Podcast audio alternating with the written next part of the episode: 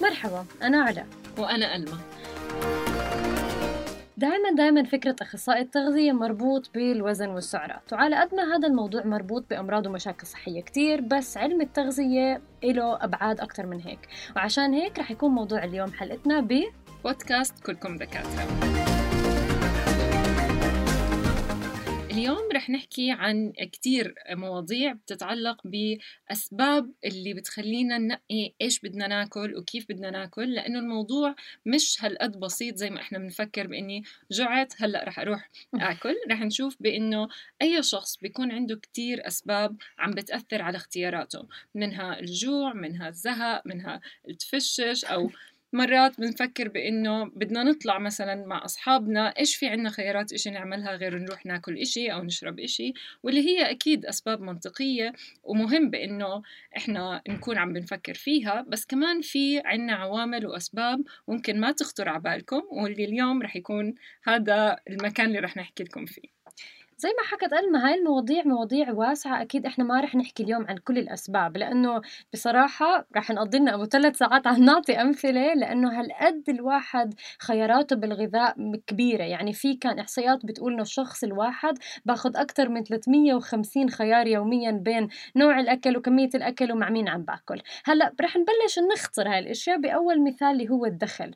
في مثل بيقول إنه الشخص فقير جدا على إنه يكون نحيف مش الهدف أكيد تعميم تعميم القاعدة بس الهدف إنه الشخص الدخل تبعه بيتحكم بنوع الغذاء. يعني مثلا بفلسطين آه معظم الناس بتلجأ للخبز لأنه نسبيا سعره رخيص في متناول الجميع فلما بيكون الشخص عنده عيلة كبيرة أول إشي بفكر فيه إنه بده يشبع فرح يفكر ببديل نسبيا رخيص. وكمان في بالمقابل دائما الأخصائيين التغذية أو الناس اللي لهم علاقة بالصحة بدلونا على خيارات بشكل عام صراحة غالية. يعني اليوم نقدر نفكر بالفواكه. بطل الواحد الواحد بيقدر يشتري كامل احتياجاته بالتنوع اللي إحنا بنحكي فيه بالعلم. فالدخل عامل كتير كتير كتير أساسي ولازم نفكر فيه قبل ما نحكم على أي شخص بنوع أكله وتجربته مع الأكل. وبتعرفي علا إحنا كمان كتير مهم كأخصائيين تغذية لما بدنا نيجي نقترح على الناس أشياء معينة ياكلوها بدنا نحط بعين الاعتبار بإنه هل هن بيقدروا بإنهم يشتروا هاي الأشياء ولا لأ؟ لأنه تخيلي حدا عنده مشكلة صحية ولاجئ لأخصائي تغذية ويجي يقترح صح. عليه إشي كمان هو ما بقدر يشتريه قد إيه إحنا بنحط ضغط كتير كبير عليه هيك؟ 100% 100% عشان هيك دائما أصلا إحنا كأخصائيين لازم نفكر بهاي العوامل. إحنا دائما بندرسها اولا. إنه ليش الواحد هيك خياراته؟ عشان نحط حالنا محل الشخص قبل ما نعطيه أي نصيحة تغذوية. هلأ العامل الثاني أو الفكرة الإشي اللي بنحكي عنه كمان اللي هو تجربتنا وإحنا أطفال. يعني طول ما إحنا صغار بيكون في عنا تعليقات شمال ويمين إيجابية وسلبية. وهاي المراحل طبعا اللي هي بتبلش أصلا خلال فترة الرضاعة. يعني كمان في كتير دراسات رح يجي عنا حلقات أكيد على الرضاعة. على إنه آه، خلال الرضاعة الام إيش بتاكل بيأثر على إيش الطفل بحب ياكل أو لأ. أو أول ما يبلش ياكل إيش الام دخلت على نظامه الغذائي وكيف دخلته. تجارب الإيجابية حب الأكل ما حبه وهاي التجارب تنتقل معه من الطفولة لحتى ما يكون كبير. ف... فكمان هاي التجارب اللي بمر فيها الطفل لازم ناخدها بعين الاعتبار ونعطيها أهمية. ما نتعامل ببس إجبار أو أو غير إجبار. ف... فهذا كمان موضوع كتير واسع ولازم نحكي فيه. وأنا دائما بحب أركز على هذا الموضوع لما نكون إحنا عم نعطي مثل إرشادات للأهل بأنه الأهل مرات هن ما بيحبوا أنواع أغذية معينة فبصيروا يعلقوا عليها بشكل بيكون سلبي وبفكروا بأنه أطفالهم ما رح يلقطوا هاي التعليقات. فبصير هذا الإشي خلينا نحكي بداخل دماغ الطفل بأنه هذا الإشي مش كتير ذكي أو هذا الإشي ما بنحبه فبصير هو يبني التجربة عليه مع إنه يمكن هو ما بحياته أكله أصلا. جربه أصلا صح. وبالإضافة لأنه مرات لما يكون الأهل ما بيحبوا أنواع أكل معينة ما بيجيبوها وبيعملوها أصلا فالطفل ما بتعرض لها فبيضل عايش طول حياته معتبر إنه زي كأنه هذا نوع الأكل مش موجود ابدا وياما نحن في عنا قصص مع أهلنا كمان بنسمعه فدائما هذا الإشي كمان مهم بأنه نحطه بعين الاعتبار ونتذكر كأهل بأنه تجربة أطفالنا مع الأكل ممكن تكون كتير مختلفة عن تجربتنا فإذا أنا ما بحب إشي ممكن كتير ابني يحبه. صح وهذا الموضوع التجارب كمان بنتقل على المدرسة. يعني كتير في عنا تعليقات بالمدرسة على إنه شو نوع السندويشة اللي جايبها وشو التعليق اللي حوالي من المدرسة علقوا عليها. فدائما لازم نكون في عنا علاقة مع الطفل عشان نفهم إيش التعليقات اللي أخذها وكيف تعامل مع هاي التعليقات. أنا برجع بقول كل هاي اللي عم الأفكار اللي عم نحكي فيها عن جد هي بحر بس هدفنا نقول إنه نفكر شوي أبعد من منخارنا بليش الواحد بنقي هاي الأفكار. الإشي الثالث اللي بدي أحكي فيه اللي هو موضوع الأكل العاطفي. وهون يعني حدث ولا حرج وأنا متأكدة إنه كلنا عندنا هيك تجارب عم بتفشش مزاجي مش منيح أو حتى مزاجي منيح آه، الأكل العاطفي آه، عالم. يعني حتى في إشي لها علاقة بالفسيولوجيا. يعني مثلا الدورة الشهرية كيف بتغير فيها الأكل كيف بصير الهرمونات عم بتأثر على الأكل. فهاي كمان عوامل لازم أفكر فيها. بتعرفي أنا بدي أحكي عن تجربة بتتعلق فيي فيما يخص الأكل العاطفي. بتذكر إنه دائما كنت بحضر الأفلام الأمريكية. بيجيبوا بإنه الناس لما تكون زعلانة بتروح تشتري هذا ال bucket تبع ال ice cream وبتصير تاكل منه مباشرة حتى بتنقصش بصحن أو نوتيلا. أو نوتيلا. فبتذكر مرة هيك كنت متضايقة من إشي فرحت شريت هذا ال ice cream وبلشت آكل. كنت بالمدرسة بس يعني عشان نكون واضحين. بلشت آكل فيه وبعدين صفنت بقول طب مش حاسة حالي أحسن؟ أكلت شوكليت لأنه دائما نسمع بإنه الناس بتقول بإنه الشوكليت بتخليك تكون مبسوط وصفنت بإنه كمان ما حسيت حالي أحسن. فبوقتها بلشت ألقط كمان بإنه okay يمكن أنا بس عم بجرب أعمل إشي بس هي مش فعليا عم عم بتخليني أحس أحسن. بس كمان الصورة اللي إحنا دائما عم بنشوفها بال social media بالأفلام بالرسوم بالأشياء اللي حوالينا بالدعايات طبعا اللي هي في علم كامل كيف بينعمل الدعايات تبعت الأغذية عشان تخليه يرسم إشي براسنا مثل كمان مثال أنا دائما بحب أحكي عنه بإنه كيف صار مربوط حضور الأفلام عنا بأكل البوشار في قاعدة فيش قاعدة بدك تحضر فيلم بدون ما تاكل بوشار بتقدر. بس صار هذا الإشي مربوط براسنا. هلأ مش بالضبط هو أكل عاطفي بس كمان عم بيأثر على العاطفة تبعتنا وعلى اختياراتنا صح. للأكل بحالات مختلفة. ومهم كتير نعرف بإنه الناس بتفكر بإنه الأكل العاطفي له خص بالبنات بشكل أكثر بس كل الدراسات بتقول بأنه هو موجود عند كل الفئات حتى كبار السن وعند الذكور والإناث مثل بعض. صح بس أنا من هذا الإشي بحب أحكي كمان عن إنه السلوك بشكل عام بتعلق بكل هاي العوامل. فالسلوك الغذائي هو جزء منه. فأنا لما باجي بقول عادات الإنسان الغذائية هي زي ما سلوكه بشكل عام بالحياة مع الناس كيف بفكر فما بيختلف أبدا عن كيف الواحد يعني بيكتسب سلوكه الغذائي.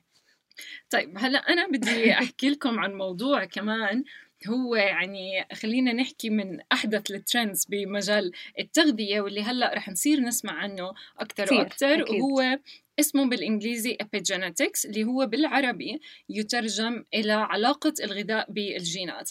فهون رح نشوف بأنه فعليا أكل الأم من وهي حامل بيكون عم بيأثر على الجينات تبعت الطفل وبالتالي كمان عم بيحدد جزء من اختياراته للأكل بشكل لاحق. وعادة العلم عم بحكي هون بأنه هذا التأثير بيكون بأكبر حد بخلال المية يوم الأولى من حياة الشخص. 100 يوم هاي بتنحسب من أول يوم حمل لحد ما يصير عمر الطفل نهاية السنتين. فهون بيقولنا بأنه كل ما إحنا عم بنعرض الطفل لخيارات أغذية أكتر لأنواع مختلفة عم ننتبه عن أنواع الأكل اللي بيكون عم باخدها ممكن بأن إحنا نكون عم نبني خلينا نقول خيارات صحية أكتر ومختلفة على المدى الطويل.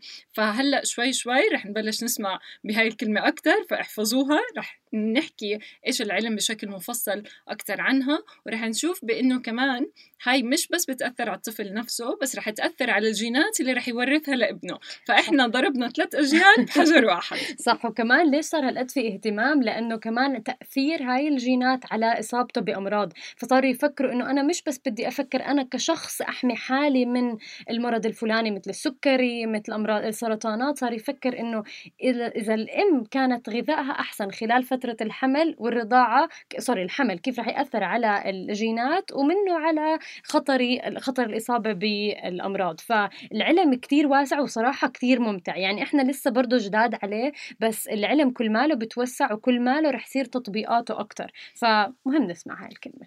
طيب العمل اللي بعده اللي كمان كتير مهم نحكي عنه بالذات بالظروف اللي إحنا عم بنعيشها حاليا عم صرنا نسمع عن الحروب أكثر عن المشاكل السياسية أكثر عن المشاكل الاقتصادية كمان. فبدنا نقول بأنه توفر الغذاء بالإضافة للقدرة على الحصول عليه كمان تعتبر موضوع كتير مهم. إذا إحنا كنا بمناطق خلينا نحكي عم بيصير فيها كوارث طبيعية عم بيصير فيها حروب عم بيكون فيها نقاط تفتيش حواجز عسكرية مثل ما موجود مثلا من قبل الاحتلال بفلسطين بعض الدول العربية كمان اللي عم بيصير فيها بعض المشاكل السياسية خلينا نحكي ما أكثرها للأسف.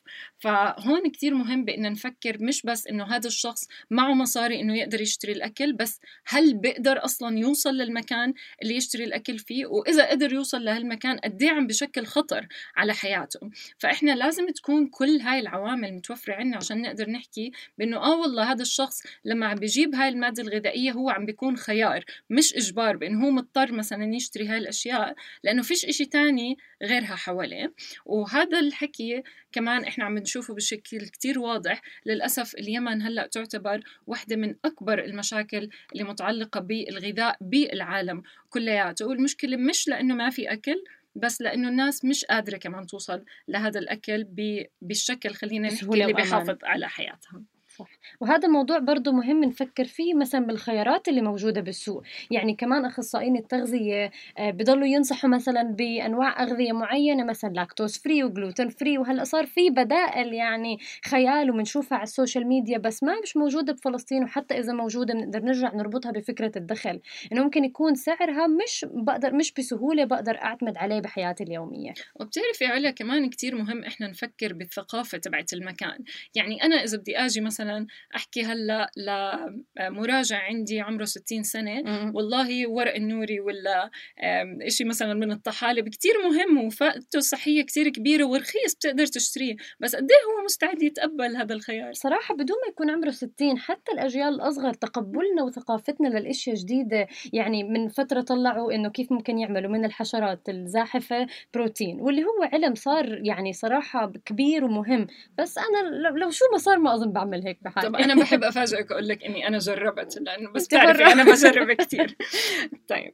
آه فعن جد أنا بفكر بإنه هذا موضوع أخذ الثقافة المحيطة فينا بعين الاعتبار كثير مهم وأنا بحب هون أوجه رسالة كمان لأخصائيين التغذية بإنه بلاش إحنا نلحق بس العلم إيش عم بيقول برا بنعرف إحنا كثير من الدراسات والمعلومات اللي عم تجينا عم تجينا من دول أوروبية عم تجينا من أمريكا فبالتالي أنواع الأكل اللي بيحكوا عنها يمكن هي مش نفسها اللي موجودة عندنا أو متعارف عليها ولكن إحنا كمان بدنا نفكر بإنه إيش موجود بالمحيط؟ ما لها الملوخيه ما لها الخبازه مش عارفة مش عارفة. بالعكس يعني صراحة في عندنا بدائل وخيارات يعني ممكن تكون أحسن بكثير من حيث المحتوى من هاي البدائل اللي عم نوصلها. فممكن نجرب إنه نسأل هل هل الخيارات اللي موجودة عندنا شو في جواها بروتينات شو في معادن فيتامينات ممكن عن جد تكون بدائل ممتازة. وما بدي أقول بدائل خليني أقول خيارنا الأول أصلا. طيب وبناء على هذا الحكي بدنا ننتقل للنقطة اللي بعديها العمل الأخير اللي رح نحكي عنه اليوم فيما يخص اختيارات الأكل. هو إشي بنسميه nutrition transition بالإنجليزي أو خلينا نقول تغيير نمط الأكل. لأنه إحنا بلشنا ننتقل لخيارات جديدة صار عنا العولمة صار عنا الخيارات اللي موجودة بالعالم متاحة تقريبا بكل دولة. ومن هون بلشنا نشوف كمان التأثيرات الصحية لتغير نمط الأكل ما بين الأجيال المختلفة. فهذا موضوع كمان كتير حلو وكتير كبير ومهم هلأ نحطه بعين الاعتبار لأنه صار موضوع السفر وتغيير مكان السكن إشي وساعات سهل. العمل. وساعات العمل أكيد. حدث ولا حرج بهذا الموضوع. فعم بنشوف بأنه تغيير نمط الغذاء ما بين الأجيال المختلفة بحسب العرقية والمكان اللي كانوا ساكنين فيه كمان بيصير يتغير مع هدول الأشخاص كيف؟ ممكن نحكي بأنه إحنا مثلا ساكنين بالشرق الأوسط متعودين على نمط غذائي معين اللي هو للعلم يعتبر من الأفضل بالعالم إذا بنحكي على نمط الغذاء تبع البحر الأبيض المتوسط صحيح. بعدين قررنا بأنه إجاني فرصة شغل بدي أروح أسكن بأستراليا رحت على أستراليا بالنسبة لإلي رح يكون فرصة الإصابة بالأمراض كتير أكبر لما أجي أنا أغير نمط الأكل تبعي. ولكن أولادي وأحفادي إذا قررت أضلني بهديك البلد أو قررت أصلا يكون عندي أولاد وأحفاد ممكن بأنه بهاي الحالة يصير شوي شوي هذا الأثر أقل. فهذا ما يسمى بتغيير نمط الأكل ما بين الأجيال المختلفة. بس طبعا موضوع مش هالقد بهالسهولة ومش هالقد بهالسرعة بصير بس أنا عم بعطيه كمثال يعني عشان أفسرها. بس بدي أضيف ألما إنه كمان ال nutrition transition بيشمل كمان النشاط البدني. يعني قديش كمان هذا الحكي تغير إنه يبقى زمان في عنا حركة أكثر الاعتماد على السيارات أقل أنواع الوظائف الموجودة بتعتمد إنه الشخص يتحرك أكثر بحياته اليومية واللي هو 100% مربوط مع النظام الغذائي. ف وهذا بيكون جواب السؤال اللي دائما بنسأله بإنه أجدادنا كانوا عم باكلوا مثلا آه، زبدة وسمنة وهاي الأشياء بشكل أكبر وما كان عندهم هاي المشاكل الصحية. هي ليه؟ فوالا هي الجواب كانوا ينزلوا يحرثوا كانوا يتحركوا فالشغلتين مربوطين ببعض. أنا ما بزبط إني أطلع على جزء وجزء الثاني لا بدي أطلع على الصورة بشكل كامل لحتى أنا أقدر أوصل للي بدي إياه. كثير مناطق بالعالم هلأ بلشوا يرجعوا صح. لنمط الأكل اللي قبل. صح. حسوا بالمقلب اللي موجود. عن جد. يعني صراحة هذا عالم كبير زي ما حكينا بالأول إنه إحنا حاولنا هيك نختار بس ع... بس كم عامل نحكي عنهم. بس ممكن نضل ساعات طويلة نحكي وبهمنا إنه يكون في حلقات تانية عم نحكي على كمان عوامل. بس هدفنا بصراحة إنه ما نصغر دور أخصائي التغذية لإنه الواحد ينحف والواحد ينصح. فبدنا رح نحكي لكم على شوية وظائف ممكن يشتغلها مش بمعنى وظيفة حتى بمعنى دور بالمجتمع اللي هو فيه. لأنه العلم زي ما حكينا واسع خياراتنا الغذائية وسلوكنا ونمط حياتنا له كتير أبعاد. فمن هاي الوظائف واحد هي التغذية في مراحل الحياة المختلفة يعني أول إشي حكت ألمى على موضوع الرضاعة فممكن يبلش بالرضاعة بالحمل بالمدرسة بالجامعة المراهقة آه، لما يصير الواحد كبير بالسن فكل هذا الموضوع فقط بيعتمد على أخصائي التغذية بشكل أساسي على أنه كيف ممكن أخذ خيارات صحية عشان أحافظ على صحتي وأقلل إصابتي بالأمراض. هاي وحدة. وإحنا كمان بنحب نحكي بأنه إحنا علاقتنا بالشغل هي كيف نقدر نساعد الأشخاص المصابين بأمراض مختلفة سواء بالمستشفيات أو موجودين بالمجتمع بأنهم يقدروا يتجاوزوا هاي المشاكل الصحية تبعتهم بأقل ضرر ممكن خلينا نحكي ويقدروا إنهم يتعافوا بأسرع وقت ممكن. فهلأ لو تيجوا تحكوا مع أي دكتور بأي مجال عن علاقة التغذية بالحالات اللي بتعامل معها رح تلاقوا بأنه دائما في لنا دور سواء بالوقاية أو بالعلاج أو بعد فترة العلاج عشان ما يرجع تصير هاي المشكلة الصحية واللي هو يندرج تحت اسم التغذية العلاجية. واللي هو ألما sorry بدي أضيف إنه هو كمان أمراض كتير يعني عم نحكي على أمراض سكري قلب وشرايين سرطان آه، كلى نقرس يعني حروق, حروق يعني تدخلاتنا ممكن تكون بأبعاد مختلفة. وفي كمان موضوع تغذية المجتمع اللي هو بتعرفي قديش قريب على قلبي لأنه إحنا كمان بنكون عم بنساهم بإنه كيف نحط مشاكل أو حلول عفوا لمشاكل صحية موجودة عند المجتمع بشكل عام. إذا بنطلع مثلا على منطقة الشرق الأوسط بنلاقي مشكلة الأنيميا موجودة عندنا كتير اللي هي فقر الدم. فبنقدر إن إحنا نحط خطة لحل هاي المشكلة على مستوى المجتمع. ما بنتعامل مع شخص شخص بنكون عم بنحط بعين الاعتبار بإن كيف نحل هاي المشكلة بشكل كلي. وجزء من هذا الموضوع بإن نكون في مراكز صنع القرار بالوزارات فأخصائي التغذية بيقدر يساهم بتغيير السياسات الصحية. واللي اللي هو موضوع كتير مهم وهلأ العالم بلش كتير يكتشفه. يعني هلأ في موضوع سمنة الأطفال يعني صار ملجأهم الأول أخصائيين التغذية لأنه اكتشفوا إنه الموضوع مش فردي مش الشخص لازم ينحف الطفل لازم ينحف. لأ صار الموضوع موضوع مجتمع وكيف بدي أغير سلوكيات المجتمع عشان أحل المشكلة على مستوى دول خلينا نقول على الأقل. وكمان عشان دائما نذكر الناس بأنه المشاكل الصحية اللي بتصير عندهم مش هن السبب فيها. مم. ولكن في كتير عوامل حواليهم مش بإيدهم هي اللي بتخلي هاي المشاكل تصير عندهم. وهون دورنا إن نجرب نسلط الضوء عليها ونحكي بأنه لازم نغير هاي الأشياء لحتى الناس تصير بصحة أفضل. وطبعا في كمان خيارات لأخصائي التغذية وممكن يشكل ممكن يكون أكاديمي ممكن يكون بيشتغل بتغذية الرياضيين وممكن كمان يكون بيشتغلوا كمستشارين لمشاريع مشاريع معينة. فيعني بدنا نقول لكم بأنه الفريق المفضل تبعكم لما يفوز جزء من الفوز تبعهم لأنه أخصائي التغذية اللي بيشتغل معهم شاطر. طيب أظن هيك علا بنكون حكينا عن كل الأشياء اللي بدنا نحكيها بال- بالحلقة الأولى. شو رأيك؟ يمكن وصلنا أظن. الصورة بتأمل صراحة. يعني لسه في كتير حكي بس جايين البودكاست لقدام. استنونا بالحلقة الجاية.